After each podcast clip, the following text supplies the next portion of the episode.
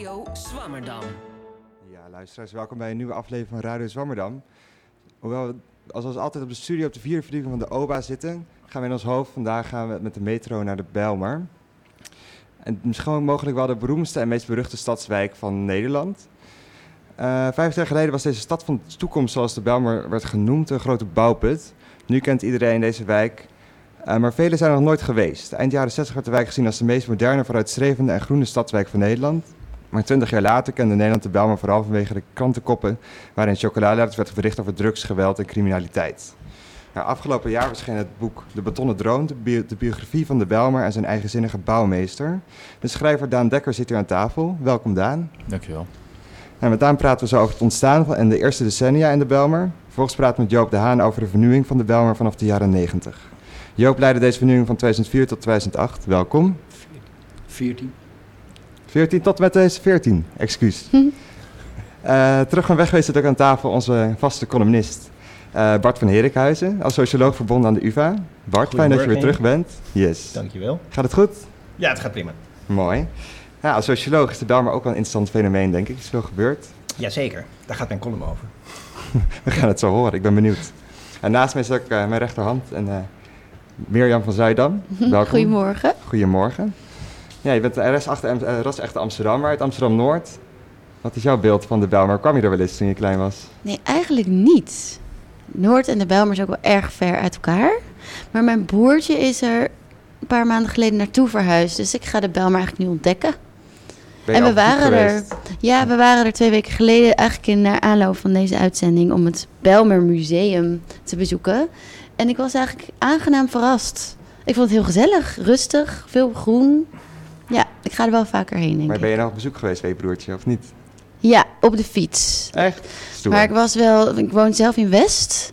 Een goede 50 minuten aan het fietsen. Maar ja, met mooi weer is het natuurlijk helemaal niet erg. Nou, volgens mij ben je wel een van de weinige Amsterdammers die ook echt in de Belmer is geweest. Die in het centrum of in West Ja, nou misschien wel. Want ik vroeg het uh, gisteravond aan mijn vrienden. En mijn vrienden zeiden, ja, ik ben er misschien wel één keer geweest voor een concert of een voetbalwedstrijd. Maar verder dan Belmer Arena zijn ze eigenlijk niet gekomen. De meeste, dus dat is zonde. Hopelijk kunnen we dat uh, vandaag veranderen. Hm. We beginnen vandaag met de schrijver van het boek. Dat zo'n biografie van de wijk is als van zijn bedenker. Sigfrid Nassut, moet ik zeggen, volgens mij. Is net al een aantal keer gezegd. Ja, belangrijk. Ik, Mogelijk gaat het een paar keer fout, want ik heb het, het geoefend met Nassut. Cijfer geven, ja. Gelukkig. nou, ik ben eigenlijk wel benieuwd. Ik las uh, eigenlijk in je boek dat je uit Bunnik komt gedaan en dan in Utrecht bent gewoond, toen het centrum van Amsterdam. Ja, spectaculair en, hè, ben ik. Ja. ja. En toen dacht je opeens een boek over de Belmer. Was je überhaupt ja. al eens geweest voordat je een boek erover ging schrijven? Nou, eigenlijk niet. Nou ja, de, ik, ik, was inderdaad ook wel eens uh, bij Ajax geweest. Of uh, ik ben één keer op, uh, was ik op Kwakkoe geweest.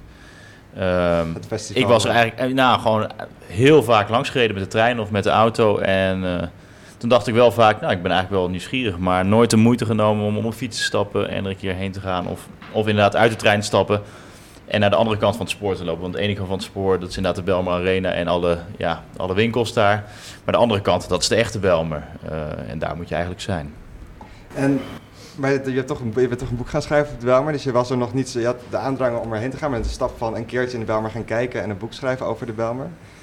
Is ja. wel een grote stap. Hoe kwam dat? Dat je bedacht. Ik... Nou, ik, ik heb voor mijn vorige boek uh, uh, heb ik uh, twee jaar in Brazilië gewoond. En toen woonde ik in de stad Sao Paulo. Er wonen nou, ongeveer 20 miljoen mensen een betonnen grasveld, uh, alleen maar hoogbouw. Uh, veel woontorens van ongeveer uh, 10 tot 20 verdiepingen hoog. En um, ja, ik, ik kwam inderdaad uit Bunnik, een braaf dorp met allemaal rijtjeshuizen. En dat was ook mijn ideaal van goed wonen. Uh, in Utrecht vlakbij had je wel de naoorlogse hoogbouwwijk Kanaleiland en Overvecht. En als ik ergens niet wilde wonen, was het dan zo'n wijk. Ik vond het echt lelijk.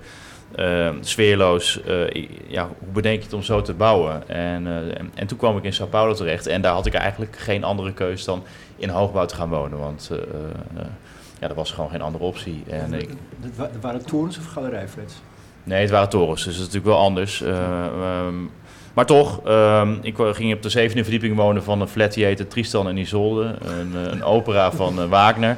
Het was een, een, een, hoge flat met uh, zwart uitgeslagen door de schimmel. Het klonk, het klonk heel sexy, maar het was, uh, uh, zo mooi was het ook weer niet. maar mijn woning, waar de tegels loslaten en de ramen klapperden als, als het stevig waaide, was heel aangenaam eigenlijk. Ik vond het heel prettig wonen. Ik woonde op de, dus op de zevende verdieping en ik kon de ramen openzetten. Er ging er zo'n zwoele tropenwind doorheen. En, en de chaos van de straat was ook ver weg. En, ehm, en, en eigenlijk in dat appartement eh, eh, schreef ik mijn eerste boek af. Dat kwam in de zomer van 2014 uit, of eigenlijk net iets voor de zomer. En eh, toen vroeg de uitgever of ik over een tweede boek wilde nadenken. En dat ben ik toen gaan doen. En, en ja, omdat ik in hoogbouw woonde, ging ik mezelf ook vragen over stellen. Waarom denk, ik zo negatief, en eigenlijk heel veel Nederlanders met mij, over die, die naoorlogse hoogbouwwijken in Nederland? En uh, ja, daar ver van huis eigenlijk besloot ik mij uh, te gaan verdiepen in, in ja, toch wel het icoon van de naoorlogse hoogbouw, hoogbouwwijk, de Belmer. En uh, uh, ja, en toen stuitte ik op het verhaal van de bedenker van de wijk, de stedenbouwkundige Siegfried Nassut. En, en zijn levensverhaal vond ik, zo, vond ik echt geweldig. Het greep me meteen, waardoor ik dacht van hé, hey, hier, zit, hier zit een boek in door juist zijn, in zijn voetsporen te treden en zijn ja, leven op te tekenen. Hij is in 2005 overleden. En tegelijkertijd ook ja, die verhaallijn uh, um, aan te vullen met de geschiedenis van de bel. Maar die twee verhaallijnen konden elkaar heel goed aanvullen. En uh, die ja, uiteindelijk bij elkaar laten komen ook aan het einde van het boek. Uh, zodoende. En dat is inderdaad interessant aan je boek. Want je begint het boek met, denk ik, een vierde van het boek is een, een soort inleiding van de jeugd van Sigrid Nassoud. Dat hij in Indonesië woont. En dat hij naar Jappenkamp moet. En dat hij dan aan de Birma spoorlijn moet werken. En dat is wel interessant. Want je, je verwerkt echt het hele leven, beschrijf je echt een detail van Sigrid Nassoud. Was het ooit je uh, bedoeling geweest om, om, een biografie van de Belmer of een biografie van hem te schrijven toen je begon? Ja, ik ben schrijver. Ik ben, ik ben, ik ben natuurlijk uh, ik ben geen socioloog, ik ben geen, uh, ook geen wetenschapper. Ik, ik, ik, ik ben op zoek naar het mooie verhaal. En ik vond dat mooie verhaal zat, in, zat hem in zijn, zijn leven. de, de, um, hij is opgegroeid in Nederlands-Indië. Zijn vader werkte daar bij de veldpolitie, dus hij die gingen van post naar post op Java. En uh, daar leefde hij vaak echt in de vrije natuur. Hij kreeg een motor op jonge leeftijd en scheurde daarmee over Java. Hij, uh, hij beklom vulkanen, ging naar watervallen. Um, uh, trok met vriendjes het oerwoud in om te leven als een aap. En dan zonder spullen. En dan ging ze eten zoeken en een mooie slaapplek. En ja, die vrij, dat, dat gevoel van vrijheid, dat is, dus voor hem heeft dat zijn karakter echt gevormd. En, en dat heeft hij later dus ook toch met de Belmer aan de mensen willen geven. Het is een enorm groene wijk met, enorm, met grote appartementen en waar je ook ja, toch door het groen kon dwalen, zeker vroeger. En um, ja, dat, dat, dat vond ik heel mooi. En, en, en tegelijkertijd ook dat idealisme dat in de Belmer zit. Uh, en, en dan ja, toch ook de enorme teleurstelling en verbittering als het niet, ja, niet zo loopt en niet wordt zoals hij gehoopt had. Er zitten gewoon heel veel mooie aspecten in, in zijn uh, levensverhaal. Um, en ook in, in de Belmer zelf natuurlijk. Mm -hmm. uh, ja, uiteindelijk uh, het loopt inderdaad niet helemaal zoals hij had gewild. Maar voordat hij begon met uh, het tekenen van de Belmer, moest het eerste plan komen om de Belmer te gaan bouwen. En eigenlijk voordat de Belmer er was, was daar gewoon een heel grote mooie polder met allemaal mooie boerderijen. En opeens werd er bedacht, dat moet allemaal weg, er moet, een, er moet een grote wijk komen. Waarom was dat?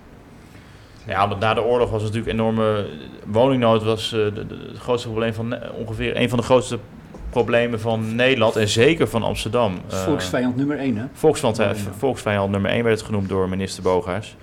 En um, ja, mensen woonden hier uh, vaak met z'n met acht, tien in een appartementje van 45 vierkante meter, soms uh, zonder uh, stromend water in de ergste gevallen. Dus er moest echt, die woningnood moest opge opgelost worden. En in eerste instantie dacht Amsterdam te doen met de westelijke tuinsteden, hè, Slotervaart, Slotermeer, Osdorp, Geuzenveld. Um, maar dat was niet genoeg, uh, dus ze moest snel bijgebouwd worden. En het enige lap grond uh, waar heel veel gebouwd zou kunnen worden was ten zuidoosten van de stad. Uh, de ja, Belmermeerpolder, de, daar zaten toen veel melkboeren. ooit ingepolderd in de Gouden Eeuw. En, en ja, die grond, daar hebben ze toen, heeft de gemeente Amsterdam een flinke strijd om moeten leveren. Want de overheid wilde liever dat het een, ja, dat onafhankelijke gemeente daar een nieuwe gemeente werd opgericht. Ja, specifiek één minister wilde dat toch eigenlijk? Ja, maar natuurlijk wel meer, er stond wel een regering achter. Omdat ze niet wilden dat Amsterdam een te machtige gemeente werd. Een beetje een anti, anti-stedelijk beleid. In anti-stedelijk uh, beleid in die tijd. Dus uh, de, vandaar dat uh, daar een flinke strijd om is geleverd. Maar uiteindelijk won Amsterdam die strijd.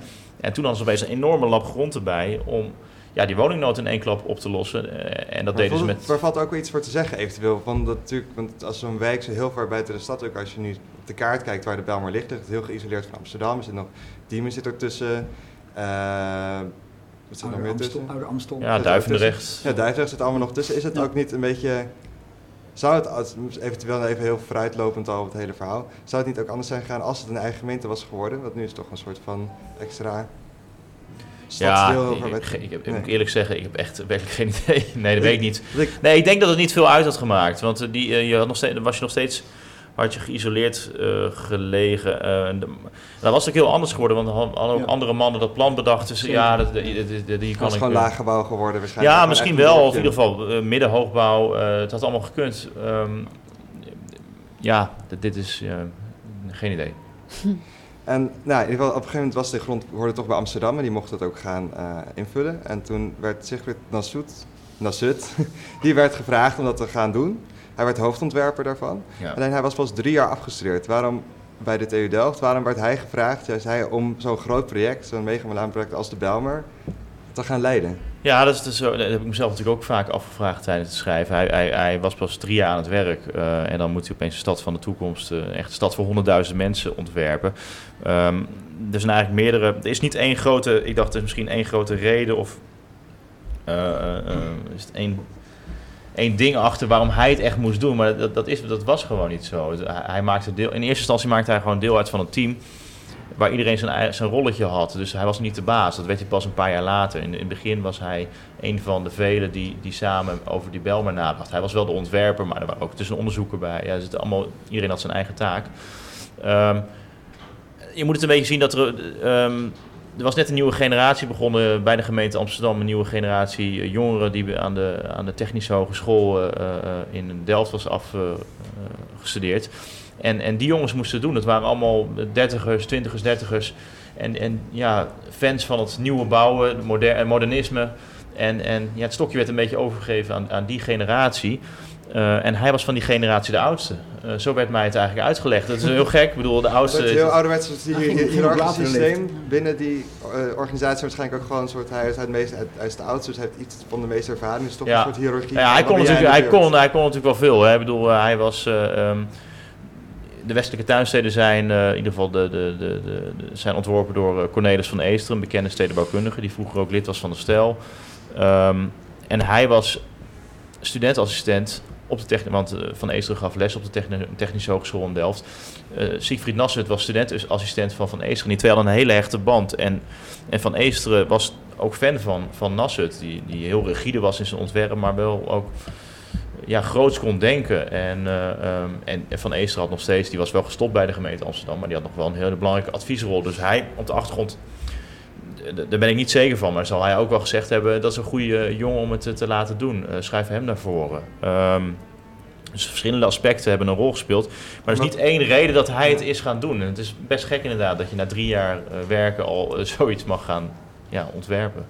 Nee, nou, wat ook meteen heel serieus. Maar wat ik ook nog benieuwd was, wat was een beetje de stijl die je ook van Van Eesteren beschrijft. Zeg maar de nieuwe generatie, die had een nieuwe stijl, zei je net. Ja. Zou je die kort kunnen omschrijven? Wat dat, waar, Nou ja, Van verschillen? Eester was van licht, lucht en ruimte. De, de Amsterdamse binnenstad was krap, eh, overbewoning. ehm, dus Van Eesteren die wilde wijken maken. Dat is al voor de oorlog allemaal ontworpen.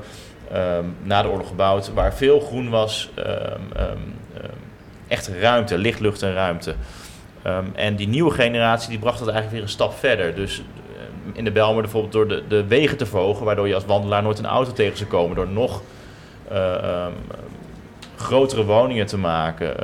en ook veel te kijken naar Engeland en Zweden, waar, je, waar de collectieve ruimtes doorbraken. En, en, en eh, je onder in de flat bewoners bij elkaar konden komen om te discussiëren over politiek, te filosoferen en elkaar te verheffen.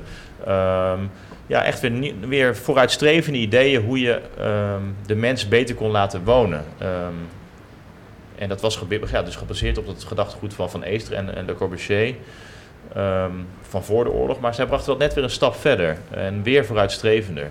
Eh, de, de vorm van de flats in de Bijlmer, bijvoorbeeld de honingraten, waardoor iedereen eh, op een zonnige dag tenminste een half uur eh, eh, zon op zijn balkon zou hebben. Dat was heel belangrijk voor, voor die een en voor heel Siegfried. gelijk verdeeld. dat Heel socialistisch, dat- ja. heel socialistisch ideaal van iedereen moet gelijke omstandigheden hebben en van daaruit kan je jezelf ontwikkelen en, en, en jezelf ontplooien. En ehm, ja, daar staan zij wel symbool voor. En nou, d- dus begonnen met ontwerpen. Hoe zijn ze toen begonnen? Ze hebben toen een team omschreven verzameld. Hij was onderdeel van een team, is hij gevraagd. En toen zijn ze gewoon begonnen met tekenen. En welke, waar ging hij vanaf begin? Wat waren de beginselwaarden? Waar Nou, ging het, vanuit? het, het begint eigenlijk allemaal met, het, eh, met de wegen. Want dat moet, Hè, dat, dat is de mal waar de wijk ingegoten moet worden. Dus de, de, de wegen, ehm, daar begon alles mee. Dat waren dus de verhoogde dreven, waardoor je ehm, eindeloos kon dwalen door het groen.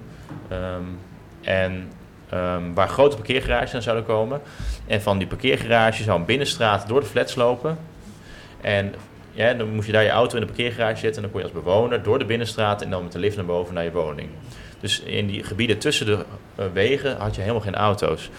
Ehm, dat was het begin en, en van daaruit zijn ze steeds een stap verder gegaan. Dus waar, hoe Ze zijn niet, ze wilden eigenlijk een nieuwe wijk, een nieuwe woonwijk bouwen.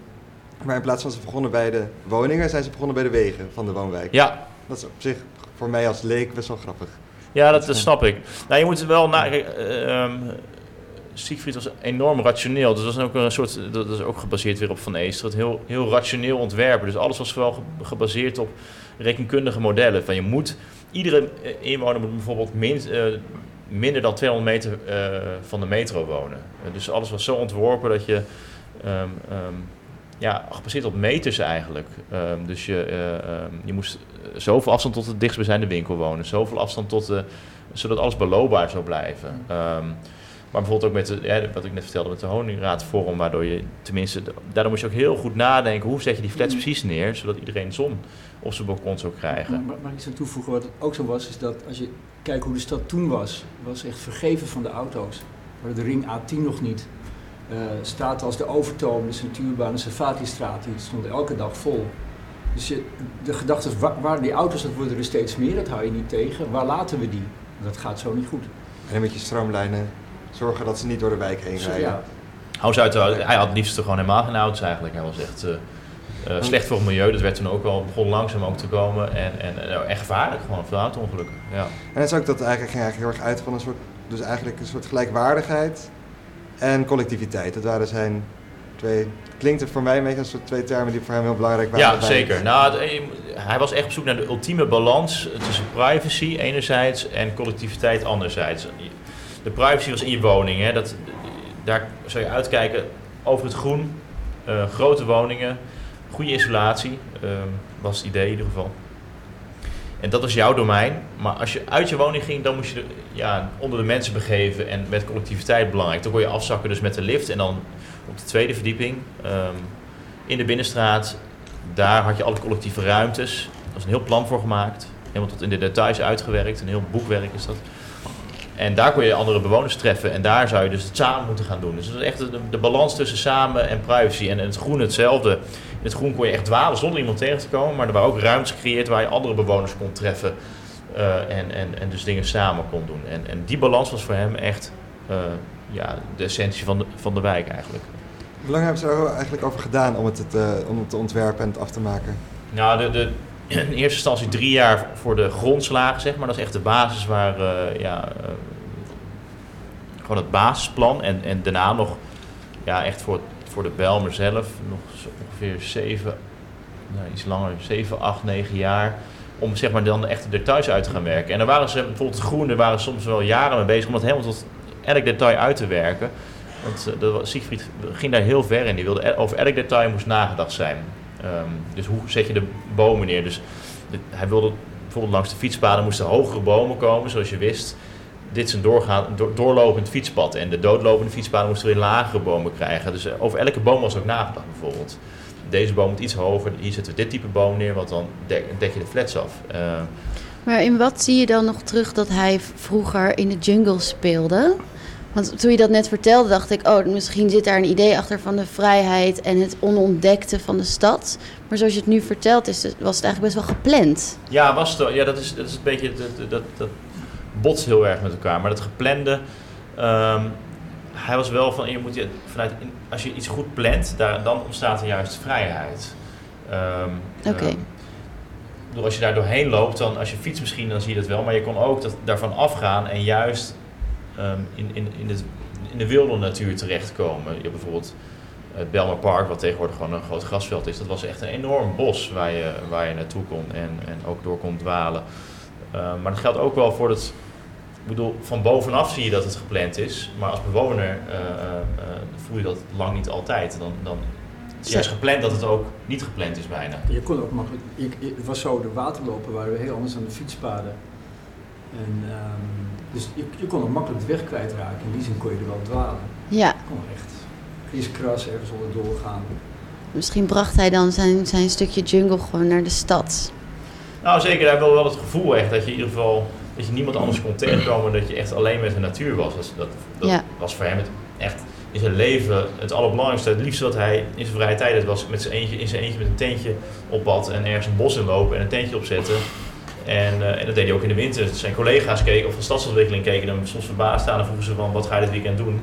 En dan zei hij, ja, ik ga kamperen. En dan sneeuwde het buiten. En dan zei hij, ik ga kamperen dit weekend. En dan ging hij met zijn tentje gewoon eh, ergens eh, de, ja, de Veluwe oplopen en eh Maar grappig, grappig toch dat zo iemand dan steden, wijken gaat ontwerpen, toch? Iemand die zo houdt van in de, in de ongerepte natuur. Ja, ja, dat, dat, dat blijft. Ja, dat, Dat is ook wel grappig, Ja. want zijn, zijn schoonvader, die zegt ook, in, ergens in het boek heb ik gelezen, dat zijn schoonvader zei, hij had ook eigenlijk nooit stedenbouwkundige moeten worden, dat heeft hij alleen maar gedaan met zijn broer het al studeerde. Ja, nou, Hij eigenlijk- ja, hij, buur- ja, kwam terug na de oorlog. Hij heeft aan de Burma-spoorlijn gewerkt. En hij moest eigenlijk eh, meevechten eh, tijdens de politionele acties. Maar de enige manier om daar aan te- aan te ontsnappen was ehm, te gaan studeren in Nederland. En eh, zijn broertje was al iets eerder teruggekeerd naar Nederland. Of vertrokken naar Nederland eigenlijk, want ze zijn geboren in, in Nederlands-Indië. Ehm, en die zei van, ja, je kan hier bij stedenbouw wel komen, bij bouwkunde wel komen studeren. Maar hij wilde eigenlijk bosbouwer worden of hij had, hij had gewoon geen idee wat hij wilde worden. Dus hij is gewoon maar aan die studie begonnen, vooral omdat hij dan niet, niet eh, eh, ja, in Indonesië hoefde te vechten. Ehm, dus er zat geen groot idee achter of iets. Dus het is ook een beetje, ja, het lot heeft hem, heeft hem op die positie gebracht. Eh, uiteindelijk excelleerde hij wel. ja, En toen heeft hij de plannen ook, nou, die mocht hij, uiteindelijk is, het, is hij met die plannen, hij naar andere mensen mee aan de haal gegaan eigenlijk. Dat is eigenlijk het soort cruur van. Hij heeft het hele heel boekwerk uitgewerkt waar dus alle details zijn uitgewerkt. En dan gaan de echte mensen die moeten gaan bouwen, gaan ermee aan de haal en dan wordt het, valt het toch anders uit. Want de Bijlmer is in 1968 afgebouwd. Ja, nou nee, nee, niet net zelfs zijn de eerste bewoners. Ah, de eerste Toen werd er nog wel gebouwd Ah, ja. hoor. Toen werd er nog wel gebouwd. Ja, dat is natuurlijk eh, dat is wel de tragiek van eh, een enorm idealist en eh, iemand die eh, iets aan de mensen wil geven en daar heel ambitieus in is en daar geen concessies in wil doen. Die maakt op papier een ontzettend mooi plan. Alleen eh, dan komen de, er worden er contracten getekend en dan ja, de, industriële bouwers bijvoorbeeld. Ja, die, die zeggen toch van ja, heel leuk, eh, eh, 10 liften eh, eh, per eh, nou, een paar honderd meter. Maar het is veel te duur. Eh, we, hebben, we krijgen 50 miljoen gulden voor. Daar kunnen we er hooguit drie liften voor ma- eh, eh, eh, maken op, op dezelfde afstand. En zo zijn er heel veel dingen uit het plan geschrapt. Omdat ja, de macht verschoof gewoon van de idealisten naar, eh, naar, ja, naar het geld. Zo, zo kan je het wel zeggen. Ehm, ja, en zo is de, zijn de flatplots veel hoger geworden. De, de binnenstraat ging van de zonzijde naar de schaduwzijde. De, heel veel vuilstortkokers werden geschrapt, waardoor ja, heel, heel veel vuilstortkokers heel snel al verstopt raakten. En mensen op een gegeven moment ook gewoon een vuilniszak over de reling gooiden. Ehm, ja, zo breng, ja, wordt iets in gang gezet wat eigenlijk niet meer ja, onomkeerbaar was. En, ehm, En hoe ging hij daarmee om dan? Het lijkt me namelijk echt verschrikkelijk als je plan zo niet uitwerkt als je in je hoofd had. Ja, nou moet ik wel zeggen, dat is wel het lot van de stedenbouwkundige en ook, eh, van, ook van de architect vaak natuurlijk. Je kan hele mooie plannen bedenken, maar je moet ook wel bedenken, het is ook jouw taak toch om het, te- om het zo goed mogelijk er doorheen te krijgen. Je moet gewoon inleveren, dat, is wel, dat, dat hoort wel bij het vak. Dus hij was ook wel te koppig, hij was niet bereid om concessies te doen.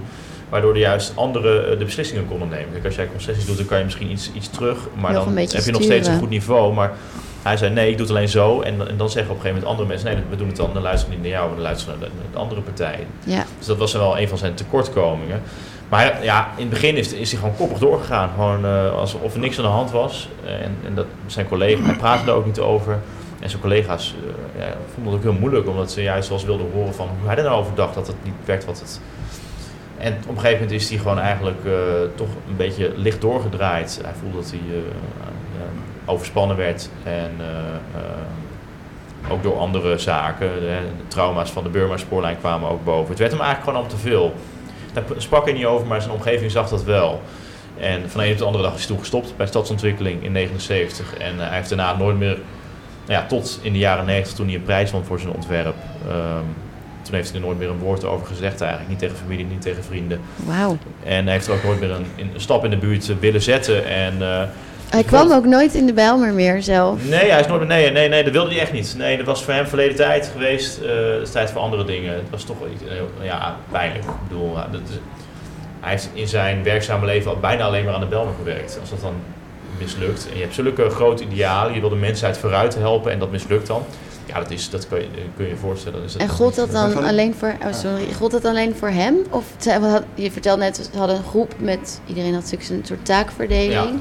Of was het echt voor hem? Nou ja, op een gegeven moment werd, kijk, in het begin was hij, zo begon het, hè, maar op een gegeven moment werd hij echt de- de baas Ja. dus, eh, de, de, eh, van het team. Eh, en en ja, dat was echt zijn plan. Ja, Ehm, maar er zijn wel meer mensen verbitterd geraakt natuurlijk, uiteraard. Ook, ook van wethouders tot bewoners, de pioniers die eerst eh, voor goede moed daar kwamen wonen en een nieuwe wereld dachten te creëren. En een, laag zand. Het verleden was er niet, hier kunnen we een nieuwe samenleving bouwen. En dat bleek toch allemaal moeilijker dan gedacht te zijn. De, de Belmer heeft een hoop, eh, een hoop slachtoffers gemaakt in dat opzicht. Mhm. Ja. Ja. Droom, ja, dat gaat best wel snel, want we vertellen net eigenlijk al een paar keer dat, dat het dus blijkbaar mislukt is, de Belmer. Maar we waren net gebleven met dat het afgebouwd was.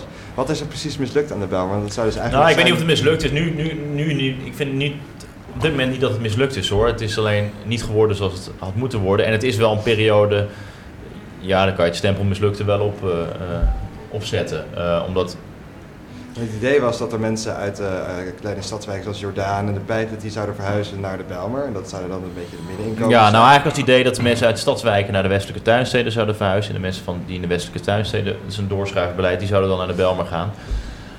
Um, ja, ze hoopten de hoge middenklasse, de hoge middenklasse naar de Belmer te trekken. En die, en, en die mensen moesten uh, daar de kar trekken en er een, een, een, een dus echt een vernieuwende, uh, mooie wijk van maken. Um, maar die mensen die gingen in het begin wel, in het begin waren er nog wachtlijsten voor de eerste flat, maar dat, die wachtlijsten verdwenen heel snel, waardoor je al heel snel leegstand kreeg. Mensen gingen naar de groei, groeikernen, naar Purmerend, naar uh, goed, Flevoland, um, naar andere plekken, naar gewoon toch naar laagbouw. En de appartementen er wel waren ontzettend duur.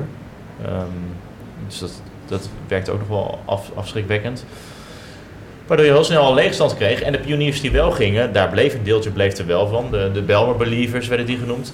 Maar heel veel van die nieuwe, die dachten na één of twee jaar van ja, leuk. Uh, uh, maar... Uh, het was hun eigenlijk een soort utopische wijk beloofd. Nou ja, die folders zagen er geweldig uit. Er werd gesproken over een groot Central Park, wonen in het Vondelpark.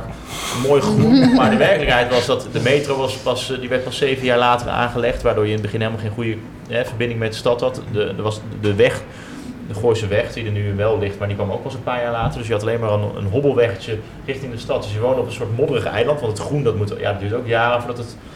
Dus er was dat winkelcentrum kwam veel later. Het winkelcentrum kwam veel later, dus het, in dat opzicht, dat is wel geleerd van de Bel. Maar als je zo'n grootschalig project doet, dan moet het wel in één keer goed zijn. Want anders woon je daar en dan denk je, hé, hey, dit is helemaal, in de folder zag het er zo uit.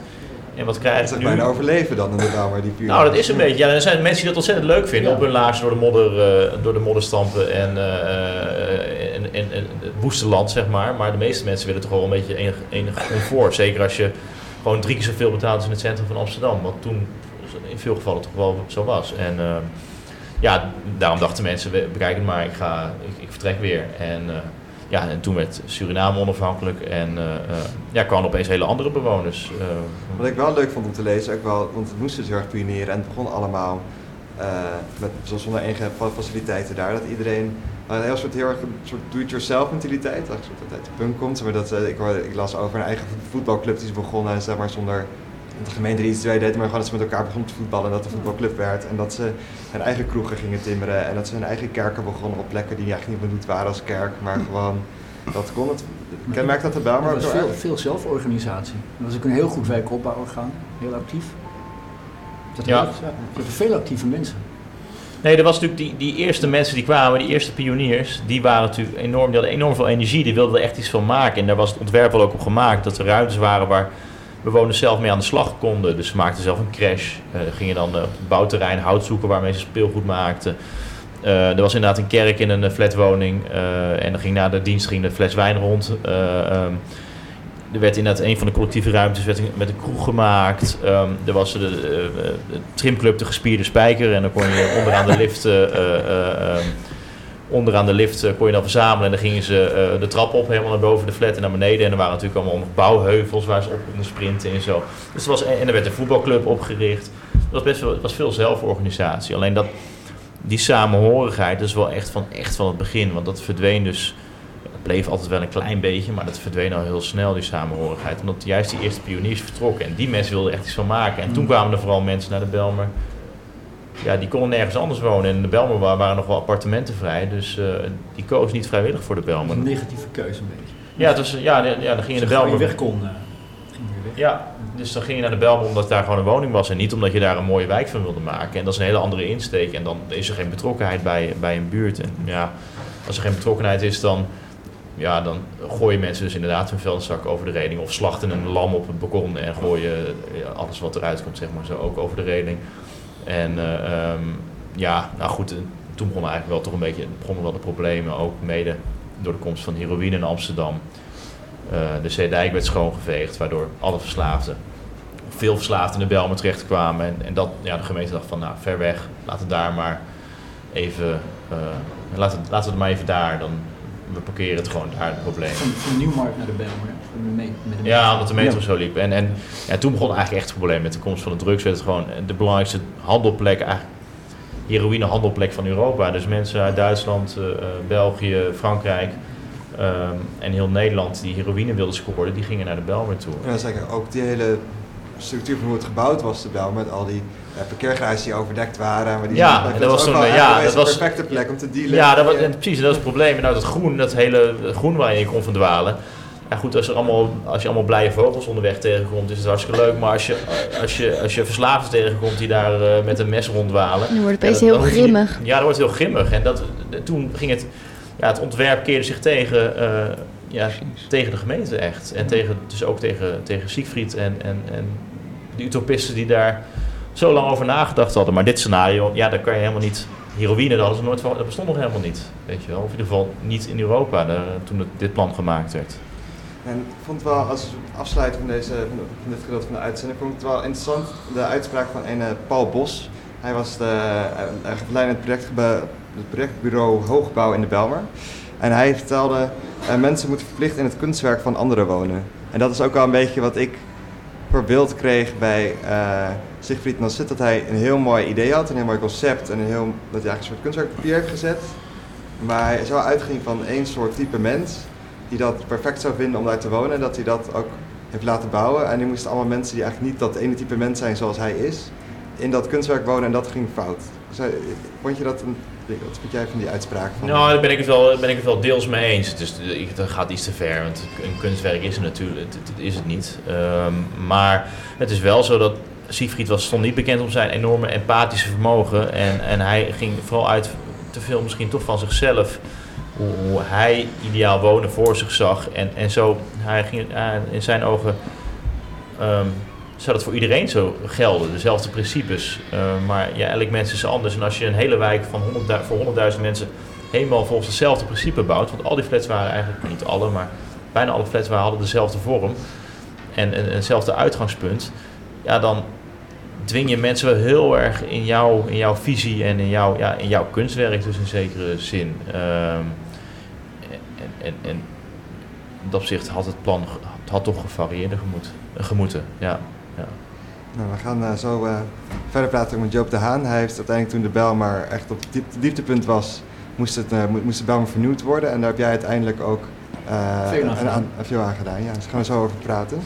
Maar nu wil ik eh, Bart van Herikhuis vragen om zijn column voor te lezen, die hij heeft voorbereid over de Belmer en, En- de sociologie. Die gaat ook een beetje over de Bijlmer. Toen ik in 1954 net had leren lezen, probeerde ik mijn pas verworven kennis uit op muurreclames en vrachtwagenopschriften. Koop Nederlandse waar, dan helpen wij elkaar. Dat begreep ik. Maar de tekst op een tegeltje bleef onbegrijpelijk. Daar stond boven de afbeelding van een mannetje met zijn handen in het warrige haar deze tekst: Top niet, het komt toch anders. Ik kende het werkwoord tobben nog niet. Ik kon niets aanvangen met die apostrof van komt toch anders. En toen ik mijn moeder vroeg wat er dan toch anders komt, toen zei ze alles. Alles komt altijd weer anders. Ik kon er geen touw aan vastknopen. Vijftig jaar geleden, in 1967, de Bijlmer stond in de stijgers, begon ik in Amsterdam sociologie te studeren. In het eerstejaarscollege van professor Den Hollander kwam ineens die oude, schijnbaar triviale tegeltjeswijsheid terug. Maar nu had hij een deftige Engelse naam gekregen: unintended consequences.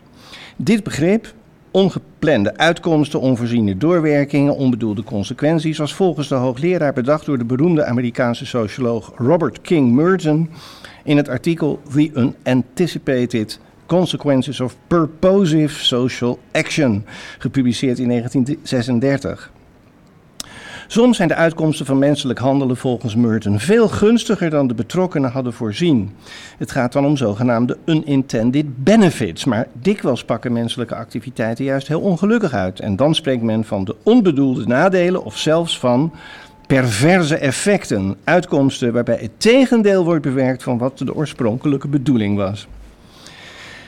Later in de studie bleven die niet geanticipeerde consequenties hardnekkig terugkeren. Sociologen leken er verzot op te zijn. Professor Gauslom had het bijvoorbeeld graag over wat hij het receptie-effect noemde. Het mechanisme dat ervoor zorgt dat op een receptie de gasten steeds luider gaan praten en tegen het eind van de avond moeten schreeuwen om boven de door hen zelf geproduceerde herrie uit te komen. Een resultaat dat niemand beoogt, iets dat de aanwezigen elkaar en zichzelf zonder het te willen aandoen. Later las ik het boek van Norbert Elias over het civilisatieproces. En daarin wemelt het van de ontwikkelingen die onbedoeld verlopen. De schrijver kan niet genoeg krijgen van woorden die met on beginnen. Onbewust, onvoorzien, ongewild, ongestuurd, onbeoogd, ongepland. Toen ik me begon te specialiseren in de geschiedenis van de sociale wetenschappen, kwam ik er al gauw achter dat de academische discipline sociologie is ontstaan uit verbijstering over onvoorziene consequenties. De eerste sociologen waren maatschappijfilosofen die omstreeks 1830 in Frankrijk schreven over de vraag hoe het toch mogelijk was dat die heerlijke Franse revolutie, die bevrijding van de dwingelandij van adel en geestelijkheid, die utopische zoektocht naar vrijheid en gelijkheid en broederschap, zo snel was omgeslagen in terreur Koppen die over de guillotine rollen, bloedbaden, tenslotte de zinloze veroveringsoorlogen van Napoleon Bonaparte. Hoe konden hooggestemde idealen, bedacht door die knappe en moreel uitnemende filosofen van de verlichting, hebben geleid tot zulke helse taferelen? Deze geschoktheid leidde in de politiek tot de ideologie van het conservatisme, waarvan de basisgedachte is dat je ontzettend moet uitkijken met goed bedoelde maatschappijverandering, omdat je niet weet wat je je op de hals haalt als je gaat prutsen aan het tere en eigenlijk nog heel slecht begrepen weefsel van maatschappelijke bindingen. In de wetenschap leidde het tot een nieuwe discipline, het vak sociologie, dat zich ging richten op de vraag hoe die subtiele sociale netwerken nou eigenlijk precies in elkaar zitten. Varianten van de verbijstering over de Franse Revolutie heeft elke moderne generatie meegemaakt. Mijn grootouders waren teleurgesteld in het reëel bestaande socialisme, het communisme, de Russische Revolutie. Mijn ouders hoopten op een vrolijke revolutie in Cuba en raakten ook ontgoocheld. Ik zelf voelde hoop bij de Iraanse Revolutie, die uitmondde in het bewind van de tyrannieke geestelijk leider Khomeini. En mijn kinderen werden aanvankelijk heel blij van de Arabische lente in Libië en in Syrië. Zo maakt elke generatie een enthousiast toegejuicht project mee dat eindigt in ellende. Precies 50 jaar geleden zongen de Beatles in een televisieuitzending die voor het eerst over de hele wereld kon worden bekeken het lied All You Need Is Love. Maar de lieve revolutie van de hippies in Woodstock in augustus 1969 sneuvelde al in december 1969 tijdens het Stones concert op de Eltermans Raceway, waaronder het oog van de band een concertganger werd doodgestoken door de Hells Angels. Gelukkig zijn de onbedoelde negatieve consequenties dikwijls niet zo extreem. Toen ik in 1967 in Amsterdam ging wonen, was ik meteen enthousiast over de Bijlmermeer. Ik noemde mijzelf toen een provo. En in het ontwerp voor de Bijlmermeer meende ik iets te herkennen Namelijk de projecten die de kunstenaar Constant Nieuwenhuis in diezelfde tijd exposeerde in het Haags Gemeentemuseum. Zijn plannen voor een nieuw Babylon, waarover Roel van Duin heel positief schreef in het blaadje Provo. Constants overzichtskaarten, waarop hij op stadsplattegronden aan elkaar geschakelde woningcomplexen projecteerde, die op hoge plateaus waren opgesteld, zodat daaronder de homo ludens kon zwerven, recreëren en kunst maken leken verwant aan de volgevluchttekeningen van de Honingraadflats, Waarvan ik nu sinds een paar dagen weet dat die dus waren ontworpen door Siegfried Nassoud. En ik weet nu ook dat mijn eerste indruk eigenlijk aardig klopte. En dat deze Nassoud inderdaad een utopistische stadsontwikkelaar was. Die een droom voor ogen stond van een leefwereld waarin de ruimtelijke omgeving voor wonen en werken moest worden gescheiden van de ruimte voor reizen en recreëren. Openheid, licht, lucht, veel groen, wandel- en fietspaden en dan daaroverheen zacht zoevende metro's, treinen en bussen. Er zijn nog altijd plekken in de Bijlmermeer, bijvoorbeeld in de buurt van het monument voor het neergestorte vliegtuig, waar je die droom nog een heel klein beetje kunt navoelen. Om dat gevoel op waarde te schatten, moet je eigenlijk steeds de beelden in je hoofd houden van die donkere, stinkende, klamme, smalle sloppen en stegen in Amsterdam, die ik nog in volle glorie heb gezien in de jaren 50 en 60. Wie zulke woningen op zijn netvlies heeft staan, die begrijpt de dromen van Charles-Édouard Le Corbusier, Cornelis van Eesteren of Siegfried Nasset. Maar ook deze utopische stadswijk ontsnapte niet aan the law of the unintended consequences. Ik ken heel wat mensen die uit die prachtige Bijlmer zijn weggevlucht. Al bleven en blijven er, zoals we net ook gehoord hebben, Bijlmer-fans die hun prachtwijk met hand en tand verdedigen.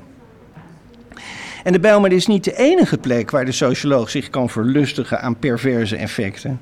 Ook als je wandelt door bepaalde Parijse banlieues met hun sociale problemen, hun zware criminaliteit, hoge werkeloosheid, hier en daar zelfs echte no-go areas waar de toerist met zijn dure elektronische speelgoed zich behoorlijk slecht op zijn gemak voelt. Ook daar springen je overal de goed bedoelde uh, de goede bedoelingen van de stadsontwikkelaars en de architecten in het oog. Groene parken, ruime galerijen, speeltuintjes voor de kinderen, geriefelijke wandelpaden langs de vijvers en dan dat dorpsachtige knusse winkelcentrum waar de politiek bewuste flatbewoners als vanzelf tot mooie sociale projecten kunnen komen en waar je nu voornamelijk naar beneden gerolde rolluiken ziet met daarop het allerlelijkste soort graffiti. Precies één week geleden stond ik om 11 uur s'avonds op zo'n hooggelegen station van een RER-trein. Die boven die parken naar het centrum zweeft. En het was er, moet ik zeggen, uitgesproken luguber. Unintended consequences. Alles is anders uitgepakt dan het was bedacht. En de goede bedoelingen zijn nog steeds zo zichtbaar. Twee jaar geleden werd ik in de Bijlmer opgenomen in het AMC. En ik hoorde dat ik alvleesklierkanker had. En dat de kans dat ik over twee jaar nog in leven zou zijn ongeveer 10% was. Twee jaar zijn er verstreken en hier zit ik. Nog altijd, niet altijd zijn uitkomsten die je niet ziet aankomen onaangenaam. Soms heb je te maken met unplanned benefits. Enkele weken geleden liep ik over een rommelmarkt en daar zag ik een tegeltje. En ineens begreep ik de tekst. En ik besefte dat tegeltjeswijsheden niet altijd triviaal zijn. Soms zijn ze diepzinniger dan je denkt. En dus kocht ik dat mannetje met zijn handen in het warrige haar en daarboven de woorden: Top niet, het komt toch anders. Dankjewel Bart, een mooie column in de, in de loop van ben ik bijna een beetje depressief. Ik dacht, dat alle goede ideeën, alle goede idealen, die eindigen toch altijd in ellende. Maar uiteindelijk blijkt het kan ook dat, andersom. De, dat het kan ook andersom. ook de andere kant op kan werken. Ja. Daar ben ik blij mee. Maar we zouden nog een stuk uitgebreid reageren op je komen. We moeten heel snel door, want we hebben veel tijd. Uh, nog moeten we nog bespreken over de nieuwe Belmer. En we ook nog een reportage waar we nu even naar gaan luisteren. Want ik ben, uh, een paar weken geleden ben ik naar het Belmer Museum geweest. Die was een paar dagen ervoor geopend. Dus ook iedereen die wil, die kan nu ook naar het museum over de Belmer vroeger, als je een homo-echtpaar was of een homostel, kon je nergens een woning krijgen. Hier kon het wel. Als je twee lesbiennes kon in de stad niet een woning krijgen, en hier wel. Die kwamen allemaal hier terecht. En, en het was natuurlijk een soort paradijsvogelachtige samenleving eigenlijk. En ik vond het fantastisch. Ik bedoel, het was echt absoluut niet saai. Het was echt, het was echt heel bijzonder. Waar nog de wind het stof verstuift over het kale land Waar nou de bulldozer nog schuift door een woestijn van zand. Daar zal straks stoer en nieuwerwets een trotse wijk verrijzen. Met grote grijze torenflats, nog mooier dan paleizen. En ik kijk uit mijn vensterraam op het gewemel neer met op mijn lippen deze naam, Bijlmermeer. Uh, mijn naam is Peter Doutsenberg. Ik ben uh, architect, interieurarchitect, docent stedenbouw aan de HVA. En we zijn hier in, het, uh, in de zondag geopende ruimte van het Bijlmer Museum. Er zijn eigenlijk heel veel buurtmusea nu, overal. In Amsterdam-Noord is er één, in de Jordaan is er één. Het zijn overal eigenlijk een soort buurthuiskamers waar mensen uh, herinneringen ophalen of... Uh, ja, waar actie gevoerd wordt. Ik, ik, er is eigenlijk niet een goede term voor. Ik wil, dit is geen museum, dit is gewoon een soort huiskamer. Ja. Het, is, ja, het is niet heel groot. Ik denk dat het 7 bij uh, 14 meter is of zo. Eigenlijk is het een soort ouderwets café met een achterzaal voor feesten en partijen. En dan hebben we ook nog een ruimte waar dingen worden geconserveerd. Kijk, een museum is natuurlijk een beetje een vreemd verzamelwoord voor wat we doen. Eigenlijk onze voornaamste taak is om uh, in de gaten te houden dat dit gebied, hè, want dit gebied heet dus ook Bijlmuseum, dat buitengebied hier tussen Kraaienest en Ganshoef, waar die metrobaan uh, over het park heen zweeft. En wij wilden graag dit gebied behouden om te laten zien hoe er werd gedacht over volkshuisvesting, zoals het toen heette, in de 70 jaren. Dit is wat ons betreft ook de ziel van de Bijlmer. Um, misschien niet het hart, maar dan toch wel de ziel, omdat hier alles nog volgens het oorspronkelijke uitgangspunt is. En, um, maar goed, daarbij proberen we ook om uh, te conserveren. Dus als, er, als mensen materiaal hebben van vroeger, uh, dat kunnen cassettebandjes zijn, maar ook tekeningen of spullen van ambtenaren. Ja, die spullen willen we graag allemaal verzamelen. Hè? Want er zijn ook veel mensen die nog weer terug willen kijken hoe het nou zo precies gegaan is.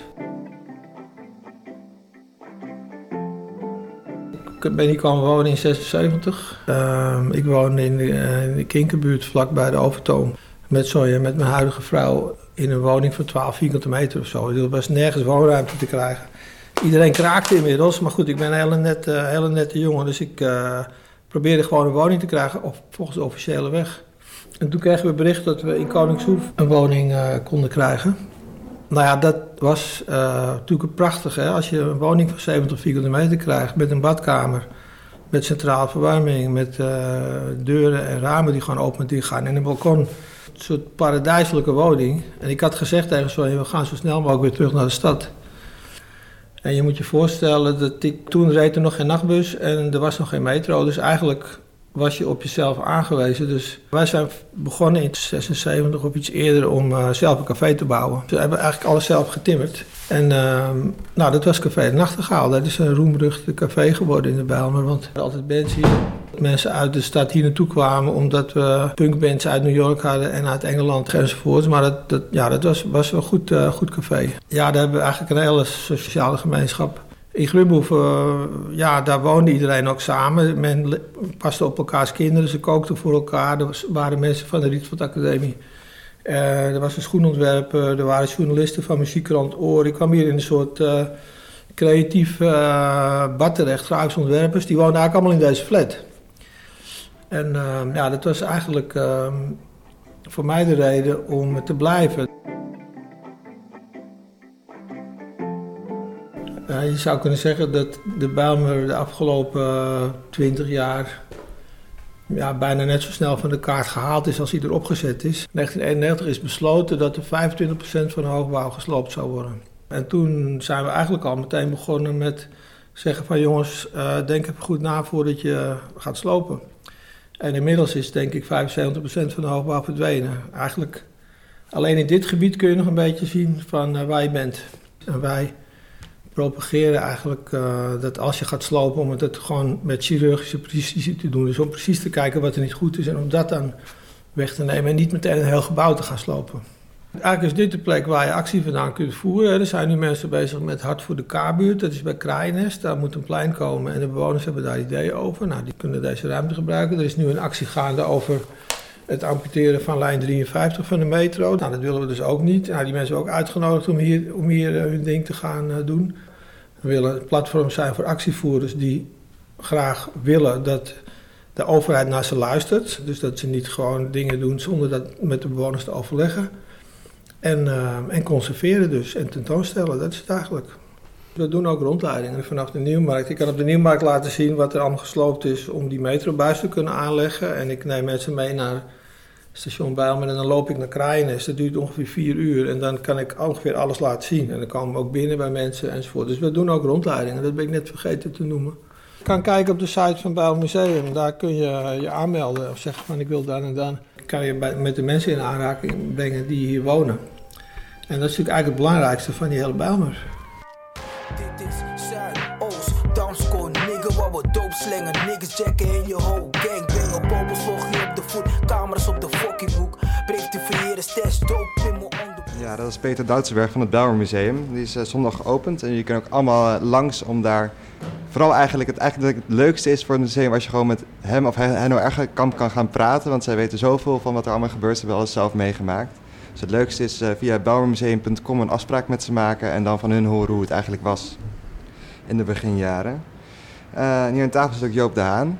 Hij, is, hij was vanaf medio 2004 directeur van, van projectbureau, projectbureau Vernieuwing Bijlmer. Welkom. Ehm, Peter Duitsberg zei eigenlijk dat, het, dat er met chirurgische precisie had moeten, had moeten worden gesloopt en dat dat niet gebeurd is. Eh, hij zegt eigenlijk dat het projectbureau Vernieuwing Bijlmer eh, een beetje roekeloos te werk is gegaan met het slopen van gebouwen. Dat vind jij namelijk, neem, ik- neem ik aan, niet. Ja. Nee, dat zou ik zo, zou ik zo niet zeggen. Ten eerste, eh, het projectbureau beslist niet wat er gebeurt. Even voor de helderheid. We, we, we, we gingen besluitvorming voorbereiden, maar de besluiten worden genomen door de gemeente Amsterdam, het stadsdeel en de, en de woningbouwverenigingen die eigenaren waren van die panden. Maar ehm, wij hebben dat dan wel voorbereid.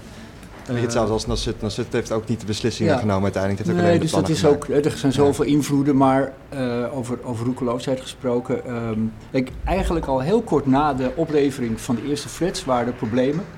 In 1971 al stonden er boze bewoners bij de raadscommissie eh, in het stadhuis te protesteren over... Hè, we hebben geen verbindingen, er zijn geen winkels, eh, de stortkokers werken niet goed. En er zijn ehm, eigenlijk vanaf half, halverwege jaren 70 allerlei maatregelen genomen, jaar in jaar uit. In eh, 1984 werd er een nieuwe woningbouwvereniging opgericht, Nieuw Amsterdam.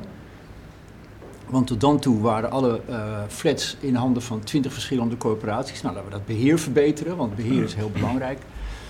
Ehm, twee jaar later stond een kwart van de flatwoningen leeg. Waren er 13.500. Toen is er eh, 300 miljoen geïnvesteerd.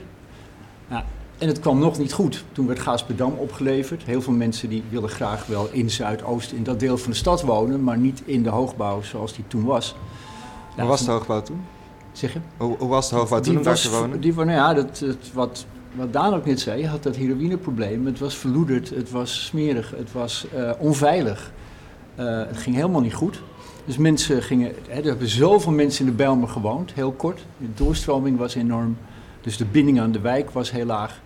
Nou, ehm, eind jaren 80 had de gemeenteraad besloten om, ehm, om, om heel intensief eh, die wijk te gaan beheren. Dat heet intensief wijkgericht woningbeheer. Dat is een nota waar ik zelf nog aan gewerkt heb.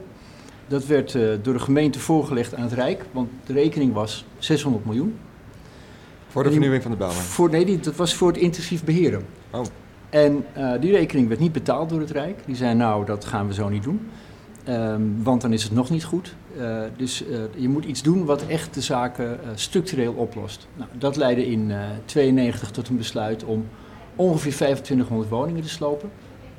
En dat is en dat was vrij precies. Dat- 20% van de, van, van de hoogbouw was dat is een vijfde, is dat, ja, mij. 20 procent. Ja, ja.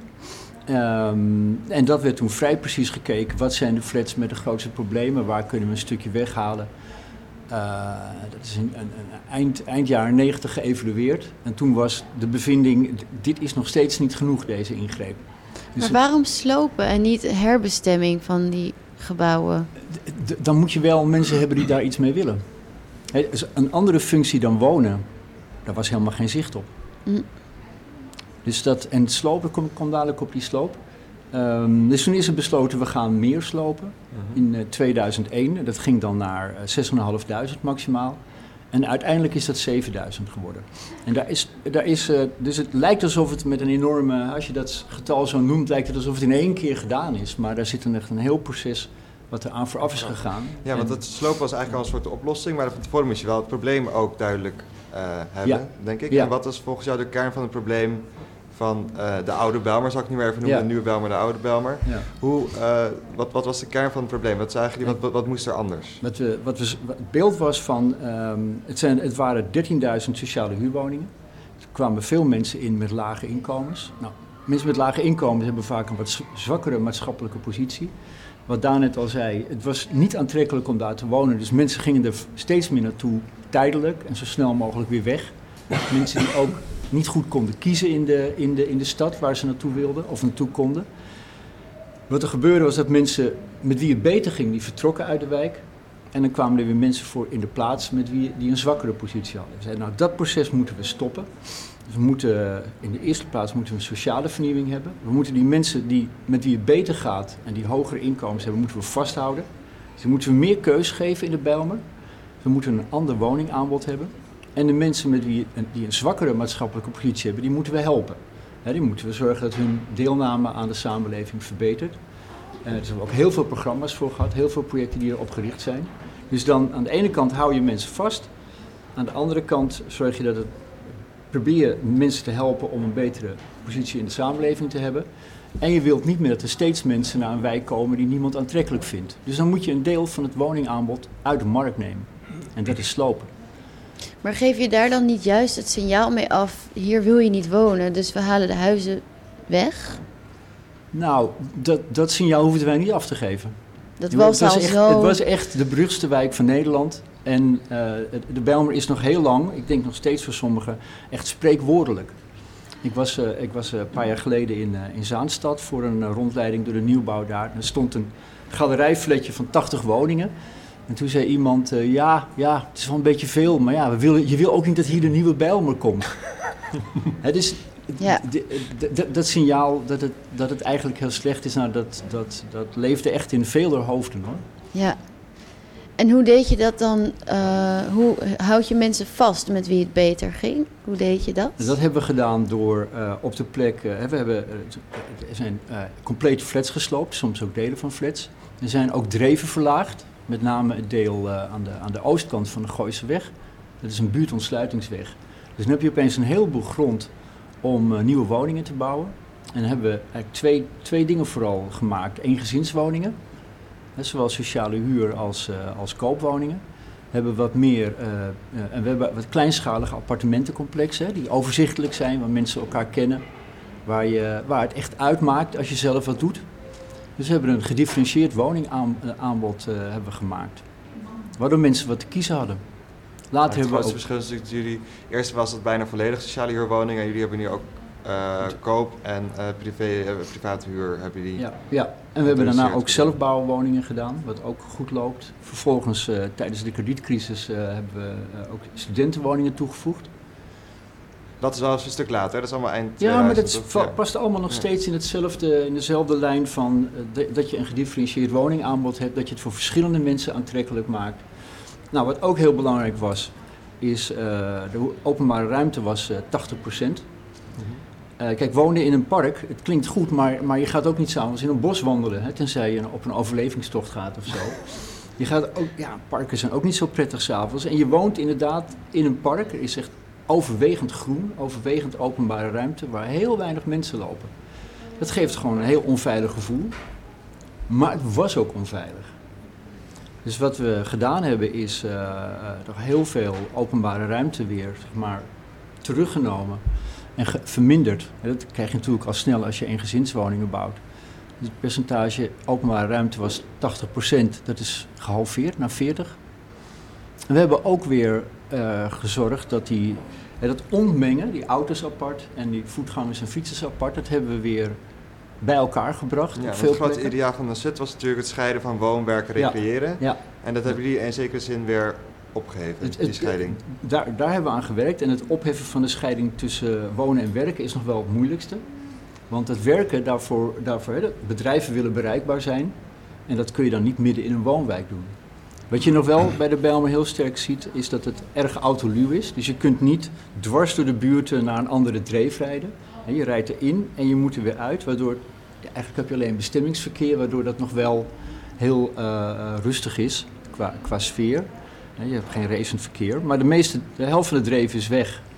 En de andere helft, dat, zijn, dat is hoofdroute, hoofdnetauto, heet dat dan. Dus dat is wat we gedaan hebben. En eh, ook geïnvesteerd in aan culturele voorzieningen, dat er gewoon meer te doen was dan wandelen door een park. Ja, we hebben, er is een mooie Bijlmer, Bijlmer Parktheater. Ja, ja, Ehm, ja. Maar je kunt niet alle voorzieningen opeens in die wijk maken. Dus er zijn natuurlijk heel veel aardige voorzieningen aan de andere kant van het spoor, waar je eh, lopend naartoe kunt. Eh, maar culturele voorzieningen op, op kijk, de Bijlmer is niet 100.000 mensen. Het zijn eh 15.000 woningen, dus er wonen ongeveer 30, 35.000 mensen. Dan kun je niet een heel eigen cultureel centrum maken. Maar er, is een, eh, er was een zwembad en dat is op een prachtige manier vernieuwd. Eh, gaat iedereen, iedereen leert daar zwemmen. Dan zie je s ochtends eh, alle schoolklassen daar naartoe komen. Hartstikke leuk. Want de vernieuwing is eigenlijk tweeledig. Dat eh, Ja. staat ook eigenlijk in de stukken die je mij hebt gestuurd. Dat je eigenlijk de, de fysieke vernieuwing Ja. hebt en de sociaal-economische vernieuwing. Maar, maar ze gaan allemaal over, over leefbaarheid. Hè? Ze gaan allemaal over een leefbare wijk maken. Die fysieke vernieuwing doen we niet omdat we denken, oh nou ja, dat was niet. Dat doen we omdat we zeggen, het was een, een onveilige, eh, niet, niet leefbare, eh, vuile wijk. En wat moeten we nou doen om het voor mensen leefbaar te maken? En te zorgen dat niet iedereen na twee jaar weggaat. Nou, dus we hebben steeds eh, evaluatieonderzoek gedaan en dan gekeken van, eh, neemt die woonduur naartoe? Hè? Blijven mensen daar langere tijd? Zijn mensen trots op hun wijk? Ik heb wel een, een, eh, een, een, vriendin van mijn, van mijn zoon, die, die is 20, die woonde in eh Gooioord. En die zegt dan, ja, mijn klasgenoten wilden nooit naar de Bijlmer komen. En die zat hem altijd een beetje te pesten met, oh, heb je, het- heb je het weer overleefd eh, gisteren? dat is niet leuk, hè? Kinderen vinden dat niet leuk. Ze, ze, ze houden zich groot. Maar dat, dat, dat gevoel van andere mensen kijken op mijn wijk neer, dat gaat wel eh, ver. Dus dat we ook, ja, waar je toch op den duur aan werkt, is dat mensen kunnen zeggen: Weet je, jij vindt dat wel, maar ik vind het een leuke wijk en ik ben er graag. Dus ja, eh, jouw probleem dat je het niks vindt. Hè? Dat, je, dat je trots bent op je wijk. Dat is een positief gevoel ook voor jonge mensen. En zijn er ook eh, dingen uit het initiële plan voor de Belmer die juist wel werkten, die je dus vast wilde houden? Of was het echt volledig mislukt? Moet ik, ik vond het wel altijd, een, ik vind het, in, dat, in dat deel hè, waar dan die hoogbouwflats nog staan, ik vind het wel een mooi beeld dat je ziet dat, eh, dat kinderen al van jongs af aan zelf naar school konden lopen, omdat het verkeersveilig was. Ja.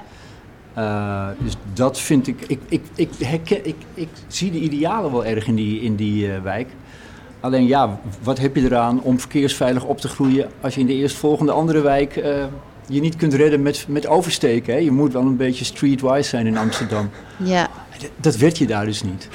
Ehm, nou, ik, ja, ik vind het overdags, hè, overdags vind ik het groen tussen de flats hartstikke mooi. We hebben het heel erg uitgedund, hè, want het, waren, eh, het is aangelegd als bos. Echt in de gedachten van, eh, van, van Na-. Van het zijn bossen. En we hebben het veel opener gemaakt. En het, het ziet er overdags echt geweldig uit. Maar nogmaals, s'nachts lopen in een, in een bos is, eh, dat is echt niks. Het, is echt- het voelt echt vervelend.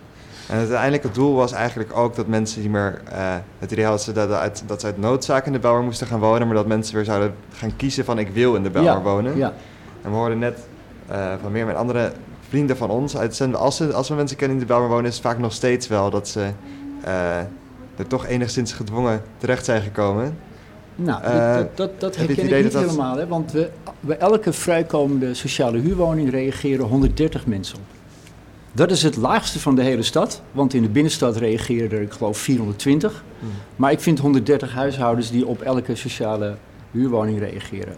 En zegt iets over de Veel. of over de Maar als je stand kijkt van naar... de... Nee, nee, want nee, dat denk ik niet. Ja, ik ben wel. Ik, ik, ik, ik kom wel steeds vaker mensen te- tegen die er wel toch eh, die, en die daarvoor kiezen. En in Ja. het begin wel met twijfels natuurlijk, maar die als die er eenmaal wonen wel enthousiast worden. En je ziet ook steeds meer wel leuke initiatieven ontstaan. Dat komt vooral ook door de eh Kleiburg, de klusflat, die net een, ook een belangrijke architectuur, architectuurprijs heeft gewonnen. Die is voor een euro verkocht een paar jaar terug. En Ja. dan kon je je eigen kluswoning kopen. En er zijn echt nieuwe pioniers neergeko- eh, neergestreken die daar ook weer een eigen, ja, een beetje als de pioniers uit de jaren 60, een eigen wereld weer willen creëren. En, ehm, en die he- brengen heel veel energie mee en ook initiatieven, eh, wat heel goed voor de wijk is. En eh, ehm, je ziet het echt wel veranderen. Ik ben ervan overtuigd dat het. Misschien moet je daar iets meer is- over Ja, vertellen, want dat dat is wel een ook, interessant ja. voorbeeld. Want de Kleiburg was een, eh, een, een, een- ook zo'n flat, een oude, oude, oude Belmer-flat Ja. eigenlijk, zo'n Honingraad-flat die gesloopt zou worden. Alleen toen zijn natuurlijk mensen gekomen en die zeiden, ik weet niet precies hoe het gaat, maar uiteindelijk is het verkocht als eh, kluswoningen. Dus eigenlijk Ja. woningen die je voor vrij weinig geld kan kopen, maar als anderhalve ton konden ze een woning kopen. De helft. De helft. Ja, voor ze- 1000 euro per vierkante meter. Oh. Ja. En dan, eh, en dan moeten ze een klein beetje opknappen en dan is het een mooie woning. En dat is Ja. een Nou, groot flink succes. opknappen, een klein beetje opknappen. Ik bedoel, je koopt wel een casco-woning, hè, dus je moet Ja. echt, moet- dat was wel, Ja. er kan er wel wat geld bovenop of je moet heel erg verklussen houden, maar... eh, Er kwam wel 30.000 euro bij als je het liet doen. Ja. Maar, goed, een dan nog is het voor Amsterdam. Het, voor veel mensen was dit heel aantrekkelijk. Kijk, en als je, een wijk, als je je in een wijk niet veilig voelt, of het helemaal onprettig vindt, of het je tegenstaat, ga je ook geen 100.000 euro uitgeven. Het zijn geen heel hoge inkomensgroepen die daar zitten. Dus je geeft wel echt maar één keer 100.000 euro uit. Dus mensen hebben echt positief gekozen voor Kleiburg. En dat is wel. Ik zie het ook bij, eh, bij nieuwbouwprojecten eh, in gezinswoningen. Eh Gooise kant bijvoorbeeld.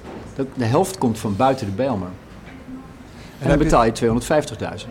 En heb je het idee dat er nu, want het is nu eigenlijk één oude Belmerflat die nu op die manier gered is eigenlijk. Heb je het idee dat er meer van dat soort flats, dat dat nog meer De andere zijn gewoon bewoond, hè? Allemaal bewoond. Ja, kijk, de- deze, die, er is ook bijna geen leegstand. Deze, was, eh, deze zou gerenoveerd worden. Dus vanaf half 2009 werd die flat ontruimd. Dat, dat doe je heel lang over, want er wonen natuurlijk 500 huishoudens. En op het moment daarna werd die kredietcrisis voor de, voor de woningbouwverenigingen steeds heftiger. Nou, ze moesten 50 miljoen investeren. En ze zeiden, nou, dat gaan we toch maar niet doen bij nader inzien. Dus toen had je de heel bijzondere situatie dat je een, een flat had die gewoon tot voor kort bewoond werd en, waar, die, en die je leeg kon, kon, kon, kon overdragen aan iemand. Dat, dat krijg je natuurlijk bijna nooit. Dat is wel heel bijzonder. Ja, want alles gewoon de vernieuwing eigenlijk vrij goed gelukt. Want als ik het goed heb, is de Belmer nu de één na veiligste stad, het één veiligste stadsdeel van Amsterdam, toch? Precies. Dus Ja. dat is, eh, Nou, dat, daar is ook heel hard aan gewerkt, aan die veiligheid. En wat daarbij heel belangrijk is geweest, dat onze, zeg maar, eh, dat we ook een andere houding hebben gekregen ten opzichte van drugsverslaafden. We hebben die heel lang in Amsterdam als eh, slachtoffer beschouwd. En als mensen die je moest helpen. En we zijn meer de houding gaan hebben van, ja, maar je, je pleegt misdrijven. En dan, daarna wijs je ook nog hulp af. Dus we gaan je helpen, maar we eisen wel van je dat je je laat helpen. Dat je, eh, dat je van die verslaving afkomt. En je kunt niet meer anoniem als verslaafde in de Bijlmer rondlopen. Dat kwamen overal vandaan. En, en op het moment dat dat goed is aangepakt, dan heb je ook weer een deel van die veiligheid zoveel verbeterd. Ja, er is echt goede drugs van eh, gekomen. Een mooi, Echt een mooi gebouw. Mooi gebouw, Een heel mooi gebouw. gebouw, ja. Ook architectuurprijs gewonnen. Eh, helemaal eh, van glas bijna, dus heel transparant. En, en dat scheelt wel veel. Daar, daar, is de, daar, daar, daar hebben ehm verslaafden een eigen kamer. En, maar goed, ze moeten nog wel naar buiten om hun drugs te kopen. Dus in heel veel flats is er gewoon nog wel handel. En, en ehm, het gaat wel een stuk beter natuurlijk. Maar het niet, de problemen zijn natuurlijk niet helemaal verdwenen in, in Helemaal, de dat flats. is een beetje ook een grote zijtak om nog helemaal de, hoe ze de heroïneproblematiek hebben opgelost om helemaal te gaan vertellen. Maar ik kan wel zeggen dat inderdaad eh, de heroïneverslaafden werden in Am- Amsterdam net rondgeschoven. Uiteindelijk kwamen ze in de Belmer terecht en toen heeft de Belmer besloten eigenlijk, oké het zijn misschien wel junks die komen overal vandaan, maar het zijn nu onze junks en we gaan het zelf oplossen. En daar hebben ze een verzorgingsflat eigenlijk voor junks neergezet, waardoor nu de meeste eh, junks niet meer over straat heen zwerven, maar nu een plek hebben om te wonen. Daar hadden we heel veel, Straat- heel, veel, heel veel hulp bij nodig hoor. Ik bedoel, De de burgemeester, de politie, het leger des heils. eh, dat- dat was wel een enorm probleem waar we in de stad eh, een paar decennia het- mee geworsteld Niet alleen de hebben. Belmen natuurlijk, want Nee. dit is ook rond het station bijvoorbeeld ook. Ja, eh, is mm. het probleem ook Ja. gewoon heel Nederlands in dat opzicht. De tijd, dat, dat hebben we voor mij eh, heel goed opgelost eh, nu. Ja. Eh, want Ja. nou, kijk naar Hoogkatrein in Utrecht bijvoorbeeld. Dat was vroeger ook... Ja, we hebben eigenlijk een, een mooie uitzending over gemaakt. Ooit, ooit, die kan je terugluisteren via onze podcast. Dat was het Gemma Blok. En het ging over de heroïne-epidemie in Amsterdam. Eh, Ik denk een paar maanden geleden. Ik zal hem erbij zetten. en ik wil eigenlijk nog even als soort laatste vraag aan jou ook. Vragen van, nou, de Belmer is enorm veranderd. We horen nu dat, eh, hoeveel procent van de hoogbouw is nu verdwenen? 60 procent. 60% van de hoogbouw is verdwenen. Hoe zou Nasset nu aankijken tegen de Belmer die nu is geworden? Eh, rommelig. Die zou het rommelig vinden. Het is ook rommelig een beetje. Ik bedoel, het, ik snap helemaal dat er gesloopt is worden. Er moest iets gebeuren. Er waren al zoveel miljoenen tegenaan gegooid. Maar het is wel een beetje een ratje toe van woningbouw geworden. De een type wijk naar het andere type. De fietspaden lopen niet helemaal lekker door. Het is allemaal... Ja, god, eh, eh, de mensen die er wonen, die hebben daar... natuurlijk zijn er ook mensen die daar niet zo blij mee zijn. Maar de meeste mensen vinden, die wonen daar heerlijk. Eh, ja, wat maakt het uit, zou je kunnen zeggen. Maar voor Nasset, en ik persoonlijk vind het ook ontzettend jammer. De echte charme van de... Die, een wijk vol met grote honingraadflats en dat groen, het echte gedurfde, gedurfde plan, dat is er niet meer. En eh, eh, het is inderdaad in dat opzicht gewoon een hele ja, doorsnee, eh, bijna Phoenix-wijk eh, geworden. Ehm, Wat ik zo raar vind, eh, mag ik nog wat vragen? Hebben nog Tuurlijk, tijd? mag nog wat vragen. Hoe kan het nou toch dat die Nasser het niet heeft bedacht toen hij dat plan bedacht, dat als je mensen in een park laat wonen, dat het ook hartstikke gevaarlijk is, s'avonds om 11 uur. Je had Central Park in die tijd, waar enorme overvallen en iedereen weet, een park s'avonds om een uur of 11 is hartstikke gevaarlijk. Dat, wat, wat Joop net zei, het ligt zo verschrikkelijk voor de hand. Waarom konden die stadsontwikkelaars dat niet verzinnen in 1966? Ja, ik denk dat ze wel net een beetje op het kantelpunt zaten dat, ook die, dat, dat, dat het allemaal ook gevaarlijker ging worden. Ik bedoel, de, het werd echt gevaarlijk door, die, door de drugs die, en de dru- drugsgebruik dat ja. enorm toenam. Ik denk dat ze begonnen natuurlijk in 62 met, met het ontwerpen ervan. En het is misschien ook een zekere naïviteit, eh, zou je kunnen zeggen. Eh, maar volgens mij was het toen, het werd echt onveilig door, die, door, door de drugs. En ook in de Belmer en ook in, in de binnenstad ook, hè, de Zeedijk. En Toen begonnen echt, de, de misdaadcijfers explodeerden echt. Dus eh, ehm, De hedendaagse luisteraar klinkt het zo onwaarschijnlijk in de oren dat je dit niet bedenkt. Maar misschien dat parken toen nog niet die reputatie hadden van... eh, Nee, die hadden echt niet die, Ja, ja, die hadden niet die reputatie. kunnen. Maar goed, eh, ehm, ook toen zijn, zullen vast parken geweest zijn waar je s'avonds niet heel lekker doorheen wandelde. Ja, Ehm, ja. Ja, Het, het, hele, het hele plan ademt gewoon één groot idealisme uit. nou ja, ja, precies. Een optimisme ook. Hè? Ook eh, van het kan wel, waarom niet? Als we daar, eh, ik denk dat, zo moet je het ook zien. Het is veel optimistischere tijden dan, eh, dan waarin we nu leven. Ja. Waarin we vaak van het negatieve uitgaan. Toen was het echt, het wordt alleen maar beter. We gaan iets maken en het wordt gewoon... De welvaart stegen. Ja, Het moest beter dan de westelijke tuinsteden, waar geen liften waren. En wat Ja, ook kleine ja, gehorige ja, ja, woningen ja. waren. Nou, ik, ik denk dat Nasut, eh, die is toch een man van het grote gebaar. En van heel veel openbare ruimte. Dus die, die zou dit niet heel fijn vinden. En wij hebben juist om dat blauwdrukdenken te vermijden... eh, hebben we geen masterplan gemaakt waar alles in moest passen. Dus je hebt wel eens, eh, we hebben wat wij dan noemen groene banen door de wijken getrokken. En die groene banen die stoppen wel eens opeens en dan gaan ze daarna weer verder.